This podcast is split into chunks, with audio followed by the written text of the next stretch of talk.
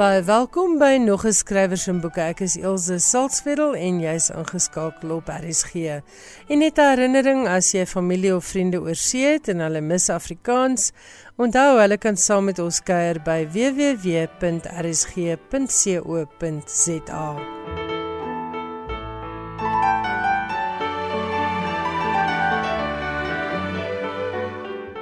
In vanaand se program is daar weer 'n wye verskeidenheid nuus vir boekliefhebbers. In die hoofonderhoud gesels Suzet Kotse-Meiburg met Chase Rees oor Misfit, sy bundel rubrieke en kort prosa. Kom vind meer uit oor die finaliste vir die Kyknet rapport boekpryse en Johan Meiburg gaan hulde bring aan David McCullough en skrywer en illustreerder Raymond Briggs wat albei onlangs oorlede is. Johan het ook nuus oor Neil Gaiman wat pas aangewys is as die wenner van die St. Louis Letterkundeprys. Hy bespreek ook die werk van die baie gewilde Brits-Pakistaanse digter Nikita Gill. Dan het ek ook 'n bietjie agtergrond gaan uithaal uit die argiewe oor The Satanic Verses, Salman Rushdie se omstrede roman wat waarskynlik die rede was vir die wrede aanval op hom verlede week in New York. Ek hoop jy geniet vanaand se boeke kuier.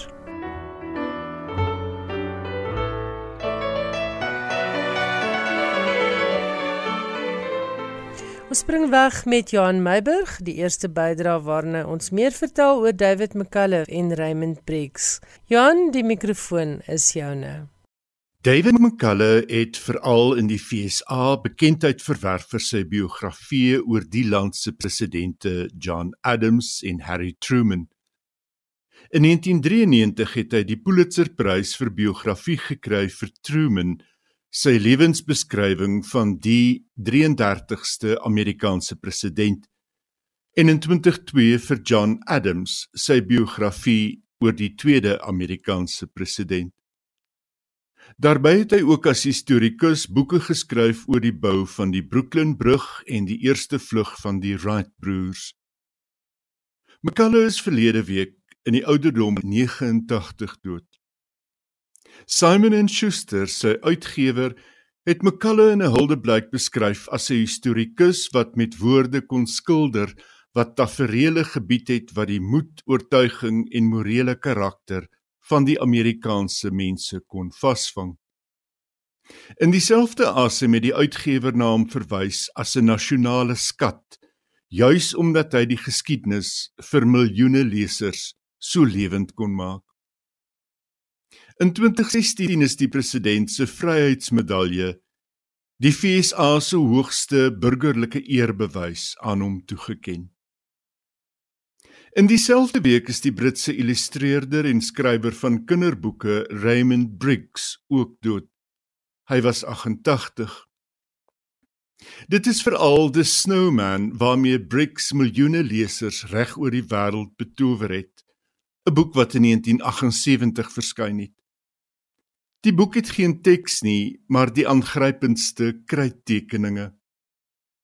Op 'n wintermiddag bou 'n seentjie 'n sneeuman wat later die nag in die kind se droom lewend word en saam met hom met sy speelgoed sit en speel. Nog later vlieg die twee oor die South Downs en kyk hoe die son opkom oor Brighton voordat hulle terugkeer huis toe. As die seentjie die oggend wakker word, besef hy die sneeuman het gesmelt.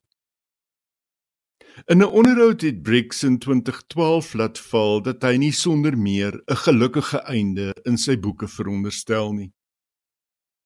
Ek vergestalt wat natuurlik en onafwendbaar is. Die sneeuman smelt. My ouers is dood. Diere gaan dood, blomme gaan dood, alles sterf een of ander tyd. En daar's niks somber daaraan nie. Dis soos die lewe is. 'n Jaar tevore in 1977 het Briggs se Fungus the Bogeyman verskyn. Heelwat van sy boeke is vir TV verwerk en op dië manier het nog meer mense kennis gemaak met die verbeeldingryke wêreld van Raymond Briggs. Baie dankie Johan Meiburg. Jy luister na skrywers en boeke, jou belangrikste bron oor Afrikaanse boeke. Die vier kortlyste vir die Kyknet rapport boekpryse is verlede week bekend gemaak en vroue skrywers het skoonskip gemaak op die twee fiksie kortlyste. Onder hulle die bekroonde digter Ronaldo Kamfer wie se debuutroman Compound in twee kategorieë benoem is. Dit is nou in die Kyknet rapportprys vir romans en ook in die Jan Rabie rapportprys vir eerste of tweede prosa werke. Die vier kortlyste vir die boekpryse se finaliste lyk as volg. Die eerste kategorie kyk net rapportprys vir fiksie en dit is nou vir romans. Daar is dit Fin deur Lien Botha uitgegee deur Colery, Compound deur Ronaldo Kamfer uitgegee deur Kwela en Vier Susters deur Gerda Taljaard uitgegee deur Penguin. In die kyknet rapportprys vir nuwe fiksie is dit als is nie net swart en wit nie deur Melvry Adams uitgegee deur Naledi Fortuine deur Ebbe Dommese uitgegee deur Jonathan Ball en van Humpata tot Appingtonia deur Nicole Stassen uitgegee deur Protea Boekhuis. Die drie finaliste in die kyknet rapportprys afdeling vir verfilmbare boeke is Root deur Hannes Barnard uitgegee deur Lapa. Die storie van Gert Saggiestrap deur Marco Botha uitgegee deur Flyleaf en Die getuienis deur François Smit uitgegee deur Tafelberg. In die kategorie vir debuut of tweede prosawerke en dit sluit in romans, novelles en kortverhale en die pryse naam die Jan Rabie rapportprys is daar 3 vroue finaliste soos reeds genoem. Die eerste finalis is Vel deur Emma Becker uitgegee deur Protea Boekhuis. Die teenoorgestelde is net so waar deur Azul Kutse uitgegee deur Iman en Resou en dan weer Compound deur Ronaldo Kamfer uitgegee deur Kwela. Die prysgeld vir hierdie pryse is verhoog. Dit beloop nou altesaam 1 miljoen rand en die pryse in die kyknet rapportpryse word as volg toegeken. 300 000 rand elk vir die kyknet rapportprys vir fiksie en nie fiksie onderskeidelik. 155 000 rand vir die kyknet rapport filmprys en 155 000 rand vir die Jan Rabie rapportprys. Dan is daar ook nog resensiepryse, 30 000 rand elk vir 3 resensente oor wie ons later sal berig. Baie dankie aan die borge. Hierdie prysgeld het teen doel om as erkenning, onderskraging en aansporing te dien vir Afrikaanse skrywers en resensente om steeds skryfwerk van gehalte te lewer in hulle moedertaal. Van my kant af baie geluk aan elkeen van hierdie finaliste. Jy kan gaan luister na onderhoude met die meeste van hulle wat op potgooi beskikbaar is onder skrywers en boeke.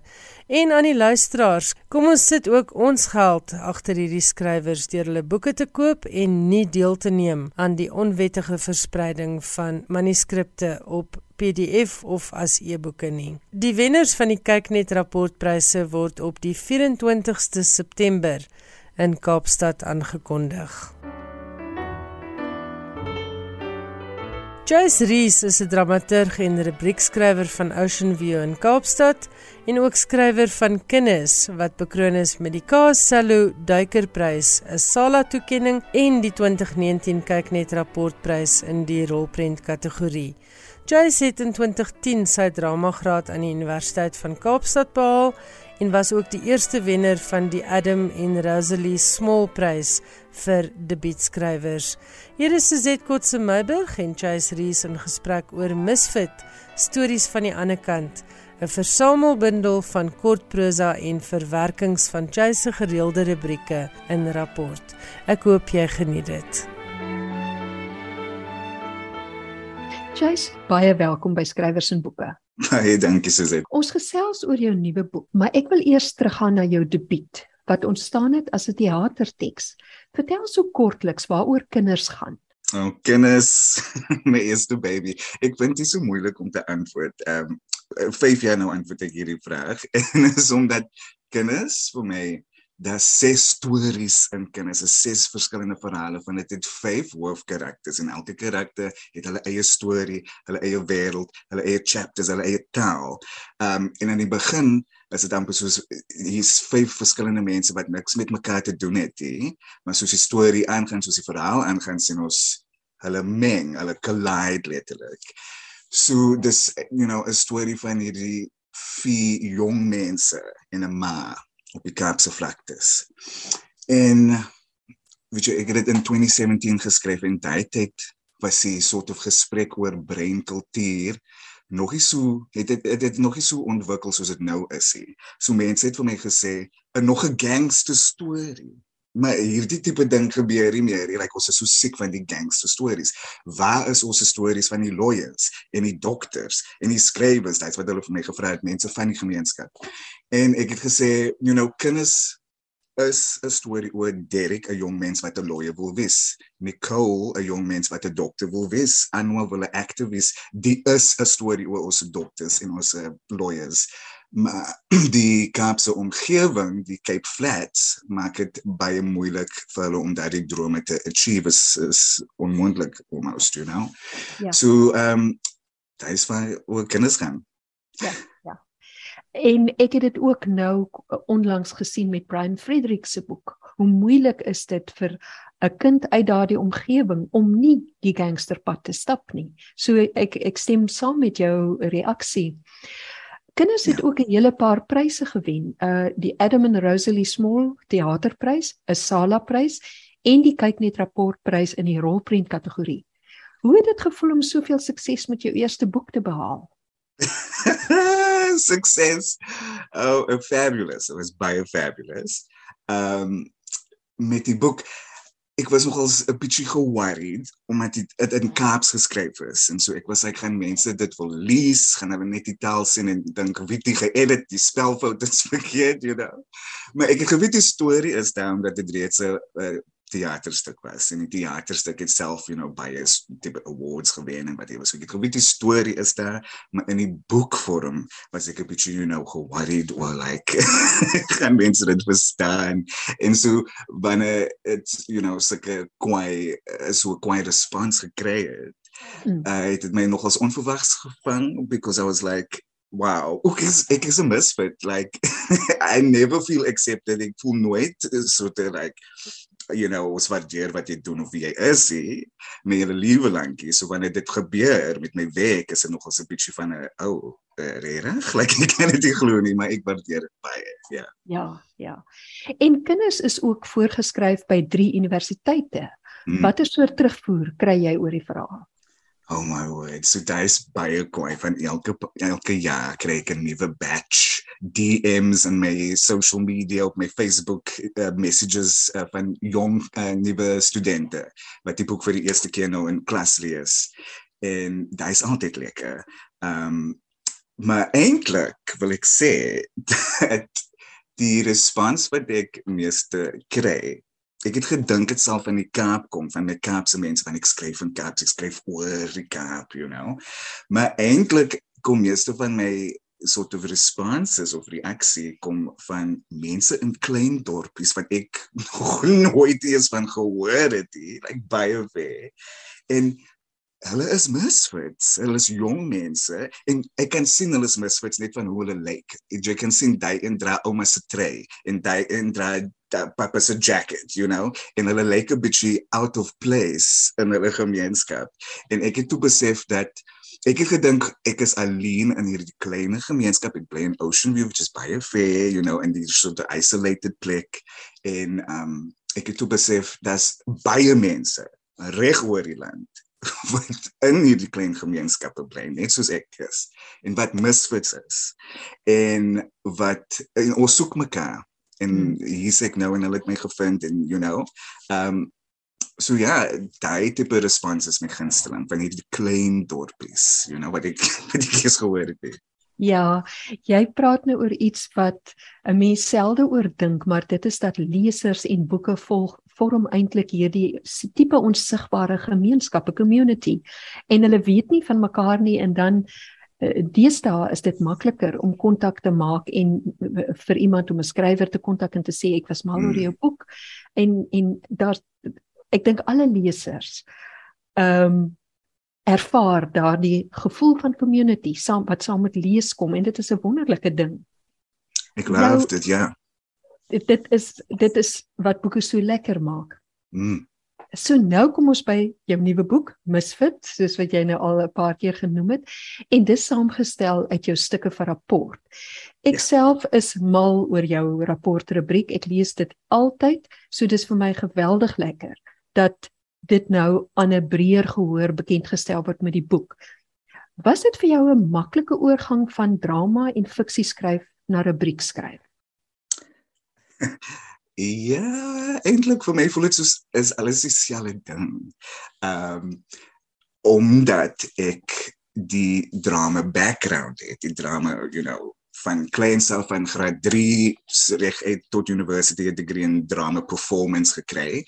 En so as an actor my hele week my hele lewe lank study ek teks right uh, ek study die skrip en scenes is meer belangrik it's a scene mm en so mhm. dieselfde vraag wat ek myself gevra het as 'n akteur you know is dieselfde vraag wat ek antwoord as 'n skrywer so whether it's a rubriek of a play of a book ek skryf in scenes dis al dis net in my DNA ek sien 'n scene you know as en as dieselfde vraag is wie is die karakter wie is die mens in die rubriek of in die storie wat wil hulle hê? Wat is hulle goal? Wat is hulle obstacle?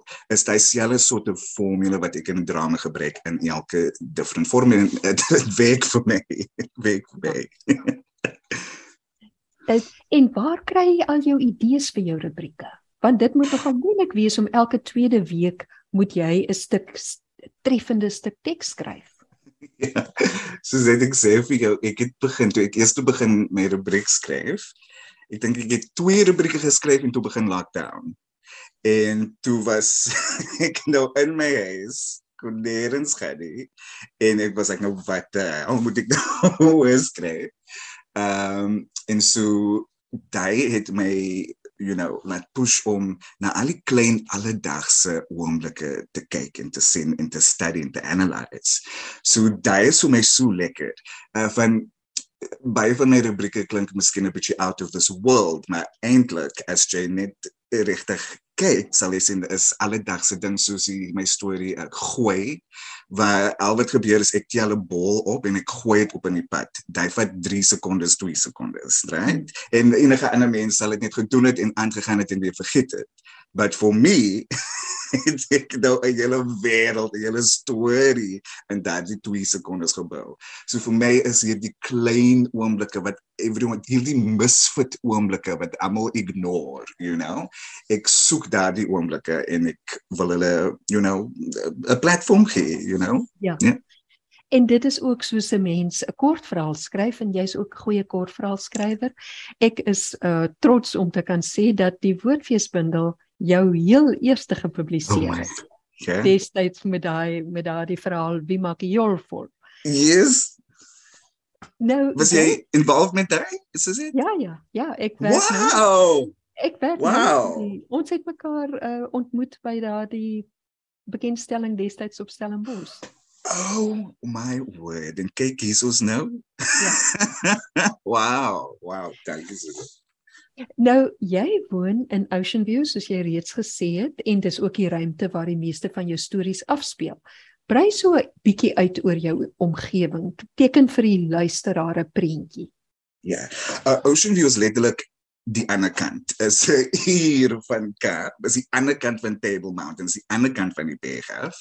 Um en dit is so interessant hierdie plek. Like ek sê mos is 'n klein dorpie en wat vir my regtig fabulous van hierdie plek is is dat dit eintlik so isolated is. Uh daar is 'n treinstasie of iets van Ocean View toe nie of iets so hier's mense in Ocean View wat vir jare nie uit Ocean View gaan nie you know um en voor die tyd voor internet en voor social media uh waar ons nou almal connected is met die hele wêreld het ek altyd gevoel Ocean View is is so isolated is nie regtig deel van die Kaapse vlakte nie in terme van location en distance like die naaste ander township is baie ver van ons af. So ons kultuur, die kultuur in Ocean View wat ek gesien het toe ek opgegroei het, was baie pop culture wat deur die radio gekom het, wat deur die TV gekom het en movies en sulke dinge. So dit was so amper dit was so interessant. Dit was like 'n 'n westernized caps pop culture ding waar almal, you know, die klere, die taalgebrekkie, soort of sê goed, die movies wat ons kyk, die musiek wat ons geluister het of die mense in my omgewing. Um was was pop culture is was pop kultuur en daarvoor het ek soveel pop culture references in my skryfwerk nog steeds. Maar Ocean View was daai sort of mixture it, it was net a beautiful bizarre plek vir my en dit is nog steeds. Want nog steeds so mense in Ocean View het die internet hulle is nog steeds you know socially connected met die wêreld hier so hulle is daar is nog baie mense my ma is een van hulle wat die online is he, wat nog steeds in daai tyd is en nog steeds daar die ou tipe media, die radio, die uh TV, uh daai wat hulle influence en daai is baie interesting om te observe. As jy dalk pas ingeskakel het en wonder wie gesels so lekker, dit is Chase Rees en Suzette Kotse Meiburg en hulle praat oor misfit stories van die ander kant. Uh jy skryf baie mooi oor jou ma, maar voor jy ons meer oor haar vertel, lees eers vir my daai stukkie oor haar. My ma het altyd gesê dat klere net 'n stuk lap is wat obviously nie 'n gender het nie. Sy het my ook geleer wat goeie smaak is. Baby, beauty hoef nie mooi te wees nie, maar beauty moet striking wees. Maak fisieke jy is stunning. A quiet look moet mense jolt soos 'n shark om enige gekalkte idees los te skud. Soms is bad taste good taste. Beloof vir my. Jay sal nooit trends volg nie. O set die trends en ander mense volg dit. Baie mooi. Vertel van jou ma. so daai is my ma wat by baie um supported want sy is self 'n misfit so jy sal in die boek sien en lees ek het al my sort of traits van haar gekry en sy het altyd gesê you know wees jouself en wees trots in jouself en maak nie saak wat om jou aangaan nie like wees net jouself wat tragies is is haar hoe sy opgeëindig het you know so ek het gesien hoe wat kan gebeur met 'n misfit wat jy support kry nie wat die omgewing hoe die omgewing vir you know letterlik ondergekry het. Ehm um, en ek dink is 'n kwessie van die tyd waarin sy opgegroei het en die tyd waar sy ingewis het, dit was sy baie welcoming vir misfitsie. Ek voel nou hier in 2022 is ek as 'n misfit en al die redes hoekom ek 'n misfit is is daar meer van 'n acceptance vir mense soos my en meer support uh, you know. Uh so ja dis maar net tragies om te sien wat kan met 'n misfit gebeur. Ja. Um, ja maar soos jy sê gelukkig leef ons in 'n tyd wat begin oopgaan en daar's baie ja. meer aanvaarding uh soos wat jy ook dan aan die einde van daardie rubriek sê wanneer jy die skool besoek en met die kinders daar praat ja uh dan is daar die karakter Nana wat ek baie geniet het. Is sy gebaseer op 'n regte persoon? Absolutely, absolutely. Absolutely. Nana is een van my karakters wat ek oor gepraat het in Ocean View, a typical Ocean View mens. Hierdie uh Kaapse tannie met 'n Pamela Anderson barbed wire tattoo op haar arm, so dis die pop culture ding van Amerika, maar hier in die Kaap uh sy's baie fabulous. Sy's sy's oh, ek dink ons almal ken iemand soos Nana. Iemand wat baie wise is, iemand wat altyd iets die, die regte woorde het om te sê, iemand wat net fascinerend is, iemand wat charismatic is in die hele gesprek net lê. Ons almal ken so 'n persoon. En daai so kon Nana like uh almal se favorite is. Mm. maar sy is 'n regte persoon. Um sure. Ja, ja, maar sy is ook baie privaat. So ja, ek wil haar identity um exposing. ja, ja. Uh met rubrieke wonder ek altyd, hoeveel is die waarheid en hoeveel is opgemaak? So, hoe watter metode volg jy? Hoe meng jy feite en fiksie in jou rubrieke? Ja, dit is nogals interessant. Uh alles het gebeur, right?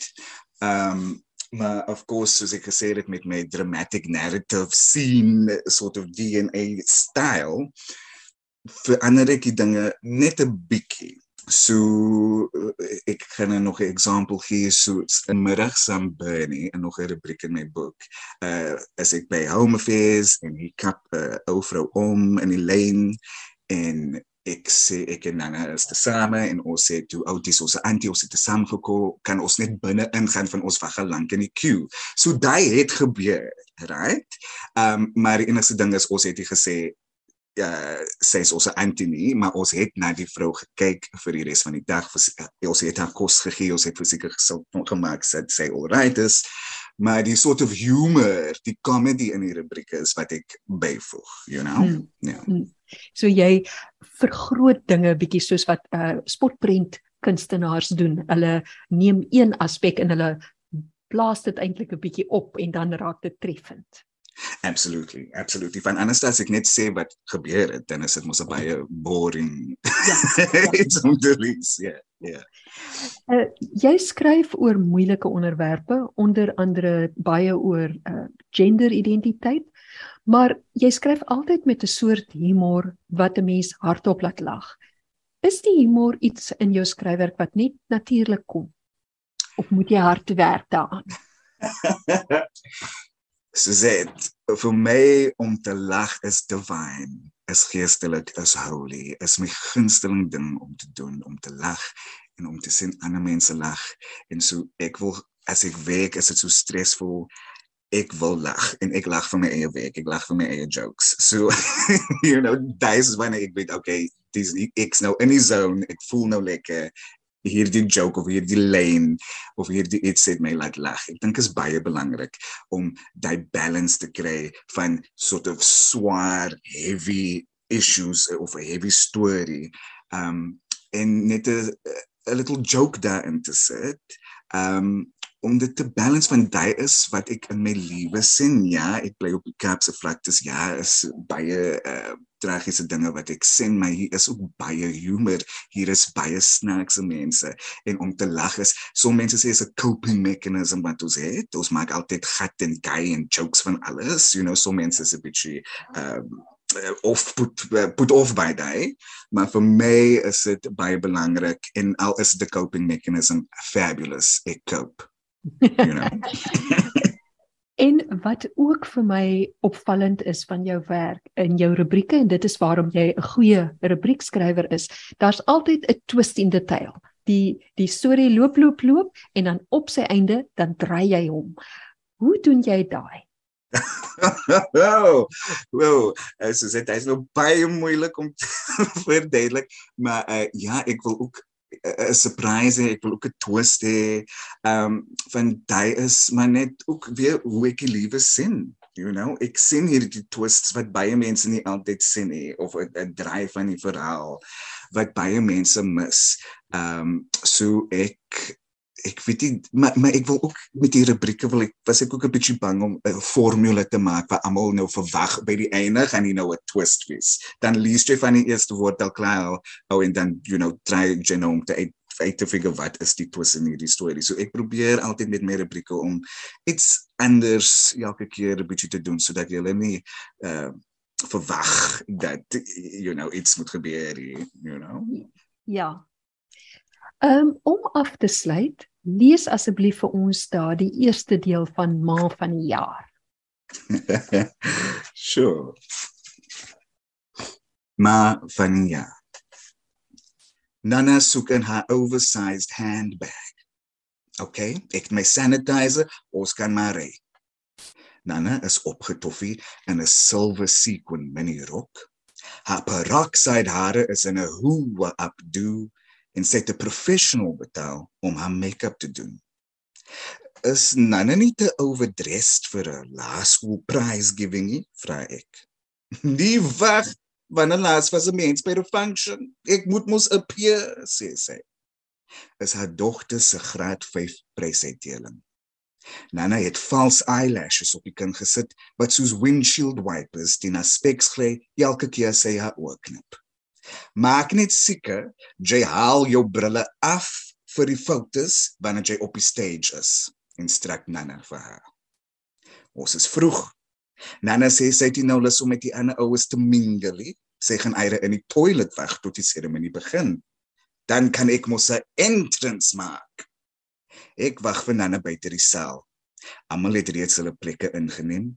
Sy kom eventually uit die toilet uit en reik steek na sanitizer. Die event begin met die skoolorkes. Hulle speel 'n treurige liedjie of beat. Dis my number, sê Nana. Sy swai haar heupe soos in haar reserved stoele in die eerste ry stap en sy sing saam met die band. I'm still standing. Yeah, yeah, yeah. Ek fluister vir haar, is sy Elton Johnny? Hulle speel John Lennon se Imagine. Ah, uh, Chase, ek geniet jou rubrieke so baie en baie dankie vir 'n heerlike gesprek en uh onthou maar elke tweede week lees ek jou getrou in rapport. Baie baie dankie Suzette, dit was baie lekker om met jou te gesels. Dit was Suzette Kotse Meiburg en Chase Rees en hulle het gepraat oor Misfit stories van die ander kant. Dit word uitgegee deur Kwela. En nou gaan Johan Meiburg vir ons meer vertel oor die St. Louis Letterkundeprys wat aan die skrywer Neil Gaiman toegekend is. Die organiseerders van die St. Louis Letterkundeprys het aangekondig dat die prys volgende jaar aan Neil Gaiman toegekend word. Die St. Louis Prys wat deur die St. Louis Universiteit in Missouri geadministreer word, is een van die voorste letterkundepryse in die FSA. Die prys bekroon die werk van skrywers wat met hul werk bydra tot die beter begrip van wat dit beteken om mens en menslewend te wees. Vorige wenners sluit in Margaret Atwood, Salman Rushdie, John Updike, John Bellow, Stephen Sondheim, Zadie Smith en Tom Wolfe. Luiden se verklaring word die 61-jarige Gaiman vereer vir sy uiteenlopende skryfwerk wat immer betowerend, fascinerend en meevoerend is. Afgesien van sy poësie, lirieke en verhoog en draaiboektekste, het Gaiman sy merk gemaak met romans soos Coraline, Neverwhere, The Ocean at the End of the Lane, American Gods, The Graveyard Book, Stardust en The Sandman wat tans in vervolmde weergawe op Netflix te sien is. Baie dankie Johan Meiburg. Nou ja, teen hierdie tyd het jy seker al gehoor dat die skrywer Salman Rushdie in New York aangeval is en 10 keer met 'n mes gesteek is. Hy was vir 2 dae aan 'n ventilator gekoppel, maar was teen Sondag nie meer kritiek nie hoewel hy nog steeds in die hospitaal is en hy gaan waarskynlik die gebruik van 'n oog verloor weens hierdie aanval. Nou as jy nie weet wie Salman Rushdie is nie, hy is die enigste skrywer wat al die Booker-prys sowel as die Booker of Bookers prys en the best of the Booker toekenning gewen het.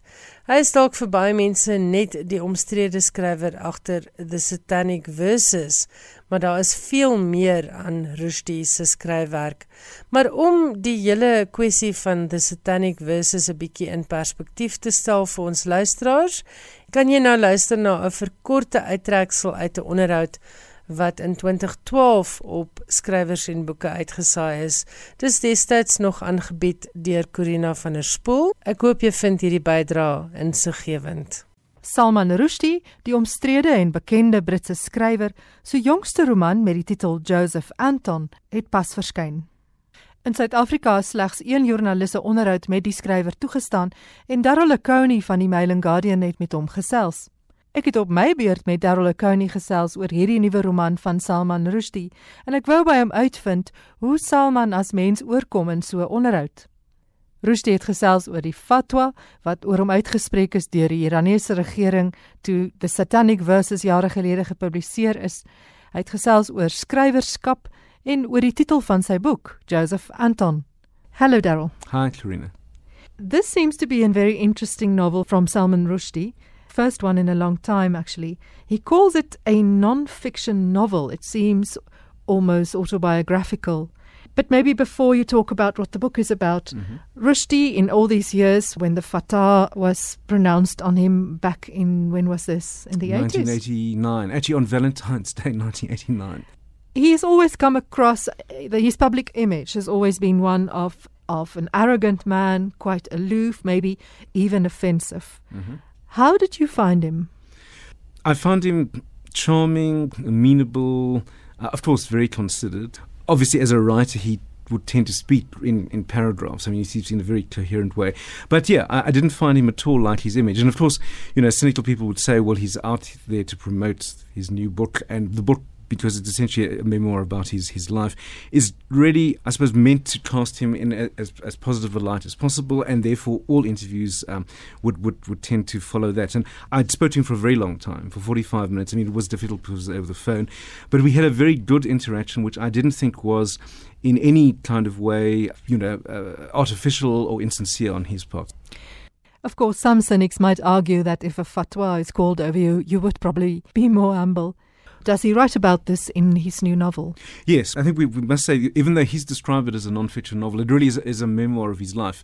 It's not really autobiography in the sense that, you know, as a memoir, he ranges more loosely, and he very deliberately writes this in the third person. So the protagonist, who's actually Salman Rushdie, is always he in, in, in the book. And of course, he, it's uh, about, in a sense, how he came to be the person he is and I think for literary people of most interest, how he came to be the writer he is. So it really takes up with his life uh, moving from Bombay, and he insists on calling it Bombay, not Mumbai, from Bombay to rugby school, a, a journey he made with his father.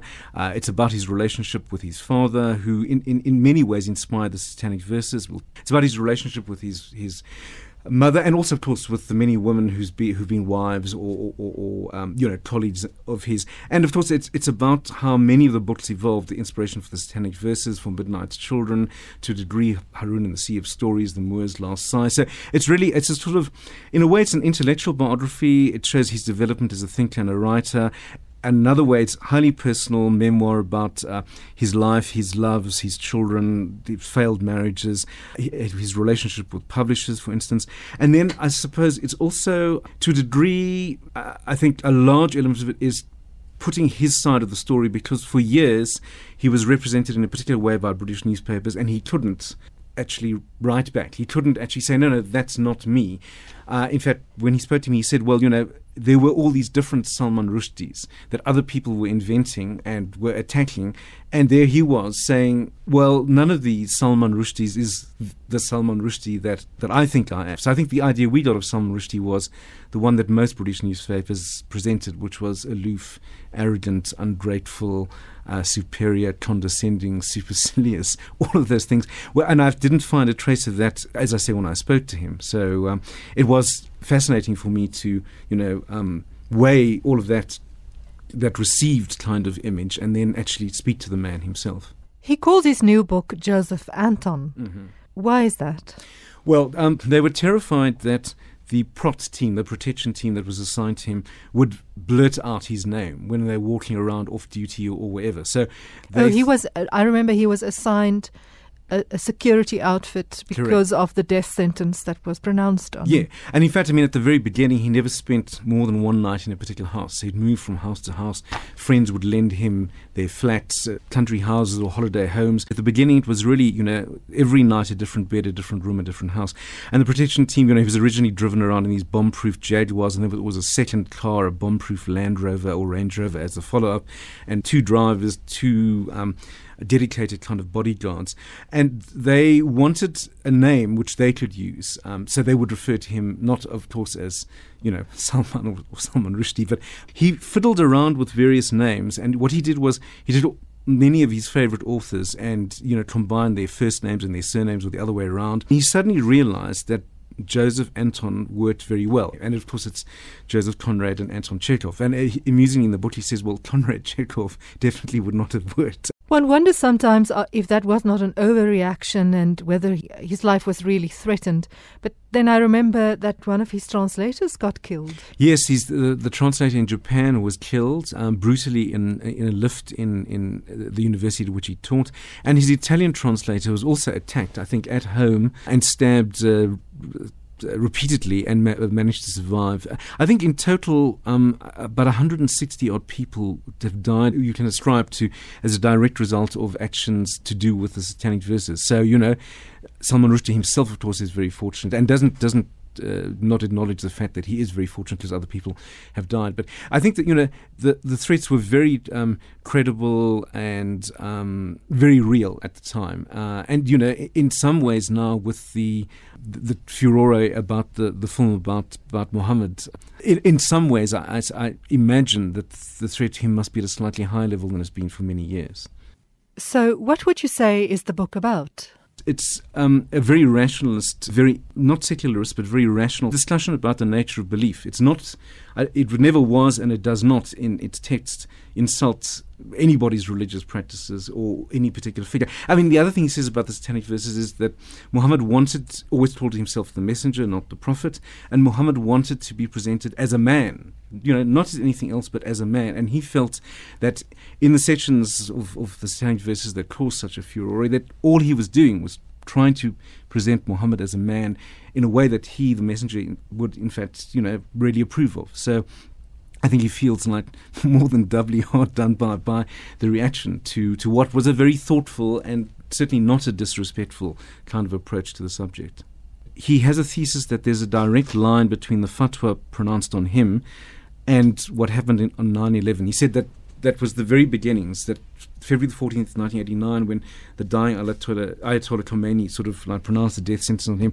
There's a direct line from that to 9/11 in the sense that it shows the sort of um, the beginnings of a particular kind of uh, fundamentalism, which. Uh, uh, wouldn't really brook any opposition to different ways of looking at and thinking about the world. And, and that's an interesting idea because I don't think any of us, or certainly I, have never really connected 9/11 with with Salman Rushdie in on Valentine's Day 1989. But it's a very persuasive kind of idea if you look at it in in a little more detail. The fatwa on him has been renewed recently. Does he still live in hiding? Does he still live with an assumed name? No. Um, in fact, you know, um, the, the, Joseph Anton was was really just this name for the security guards. All his friends, of course, continue to call him Salman. Um, he lives in America and you know, I think one of the things was that he felt that he could be freer in or free in America. I know the bounty on his head was put up from I don't know, two point eight to three point three million dollars by a particular group in Iran, whom he mentions in in, in the memoir in, in Joseph Anton, and he didn't at the time take them that seriously, and he seems, I imagine, I would imagine, he's still doesn't. But I don't. I think you know, in the sense of the state, as in the sense of Iran wanting to kill Salman Rushdie and to facilitate that. That threat receded a long time ago, and in fact was more or less formally abandoned thanks to Robin Cook, one of the few ethical people in Tony Blair's government. But there's no accounting for these other kinds of groups, like you know the, the group that, as, as I said, has, has, raised the bounty on, on his head. But that didn't seem to, to worry him when I spoke to him. Dit was Corina van der Spool in gesprek met Darryl Akun, 'n Suid-Afrikaanse joernalis wat met Salman Rushdie 'n onderhoud gevoer het in 2012. En dit was met die uitreiking van sy biografiese roman Joseph Anton. In April 2016 het Johan Meiburg as volg berig oor nog reaksie op die fatwa wat oor Rushdie uitgespreek is. 27 jaar nadat die Iranse regering die doodstraf oor die Britse skrywer Salman Rushdie uitgespreek het, het die Sweedse Akademie die fatwa eindelik veroordeel.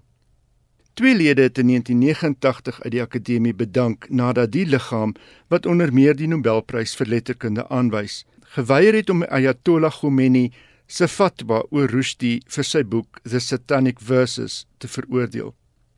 Rushdie het volgens die Ayatollah teen Islam gelaster. Die akademie het wel vryheid van spraak verdedig, maar Rushdie nie openlik verdedig nie, omdat die akademie geglo het hy wil nie by politiek betrokke raak nie. Presies wat die hartsverandering nou teweeggebring het, is nie duidelik nie, hoewel dit kan volg op die onlangse besluit van die Iranse staatsbeheerde media om 600 000 Amerikaanse dollar te koppel aan die fatwa. In 'n verklaring het die akademie nou gesê die feit dat die doodstraf uitgespreek is as straf vir 'n letterkundige werk is 'n aantasting van spraakvryheid en bygevoeg dat letterkunde vry moet wees van politieke beheer.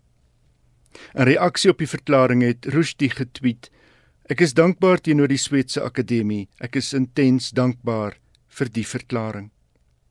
Rushdie, hy is nou 68, het om jare lank na die uitspreek van die fatwa skuilgehou. Die boek is verbied in Indië, Pakistan en Iran. In Iran het onder meer diplomatieke bande met Brittanje verbreek omdat die Britse regering Rushdie sou steun. Rushdie woon sedert 2000 in die FSA. In 2012 het hy Joseph Anton 'n memoir uitgegee 'n beskrywing van sy lewe ten tye van die hele debakel rondom the satanic verses. Dit was dan Johan Meiburg en die uittreksel waarna jy geluister het kom uit 'n 2016 bydra van Johan. Johan gaan volgende week met ons gesels oor nuwe verwikkelinge in die Rushdie sage en ook oor doodstrygemente teen ander skrywers wat met Rushdie gesimpatiseer het. Nou gaan ons vanaand se skrywers en boeke afsluit met 'n laaste bydra van Johan Meiburg. Hierdie keer gesels hy met ons oor die Brits-Pakistaanse digter Nikita Gill. En dis nogal 'n inspirerende storie wat vir baie voornemende en hoopvolle skrywers baie hoop behoort te gee, want luister net hoeveel keer is haar eerste digbundel afgekeur vir publikasie. Voordat die Brits-Pakistaanse digter Nikita Gill se eerste bundel gedigte Your Soul is a River in 2016 uitgegee is, is die manuskrip 137 keer afgekeur vir publikasie. Sy het haar egter nie van struik laat kry nie. En vandag is sy die populairste digter in Brittanje met iets soos 2,5 miljoen volgelinge op Instagram. Volgelinge onder wie Alanis Morissette, Sam Smith en Khloe Kardashian tel. Soos die geval was met die Kanadese Rupi Kaur wat met 3,1 miljoen volgelinge op Instagram 'n teenwoordigheid as digter verwerf het en toe bundels by Simon & Schuster uitgegee het, het Gill intussen 7 bundels gepubliseer. Die jongste gier is dat mense dele uit Gill se gedigte op hul lywe laat ink. Die gewildheid van die sogenaamde Instagram digters staan soos 'n paal bo water. So ook die stelligheid waarmee baie van die digters skryf. Moontlik is dit die versigtiging by so baie mense na die finale woord wat die gewildheid aanvuur. Gill is duidelik kreatief, maar 'n mens kan nie help om die motiveringsles wat voorop staan in die skryfwerk mis te kyk nie. In plaas daarvan om poësie te laat praat in beelding en verbeelding, hoor 'n mens die insigte van die digter. In plaas van die broosheid van die poëtiese segging, hoor 'n mens die stelligheid van dit is soos dit behoort te wees. Nie iedere blink gedagte of insig is noodwendig 'n gedig nie. En is ook so dat soliede verse hulle dikwels nie in een sitting aanmeld nie. Maar hier is Nikita Gill aan die woord met kindness. Die gedig kom uit die bundel Where Hope Comes From: Poems of Resilience, Healing and Light. Die bundel het verlede jaar verskyn. Kindness. And maybe this is how we learn the value of kindness. when the whole world is like a small child with a fever, trying her very best to make herself feel better. Maybe we find our unity in the near losing of everything, where we have no choice but to depend upon each other. This is what it takes to realize we are in this together. A man helps someone he dislikes because they are in danger. A neighbor delivers groceries to everyone ill on her street. Friends forgive each other, stop acting like they are strangers. Maybe this time the revolution arrives dressed as kindness. People helping each other despite their differences. Understanding truly that without the aid of others, we would be all alone in this. Dit was Nikita Gill, die Brits-Pakistaanse digter wat haar gedig Kindness voorgeles het.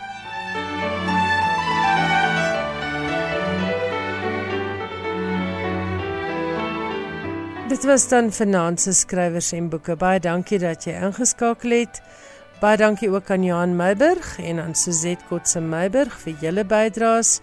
En ek nooi jou, die luisteraar, om ingeskakel te bly op RSG vir die res van vanaand, want daar's nog 'n hele klompie lekker programme wat op jou wag.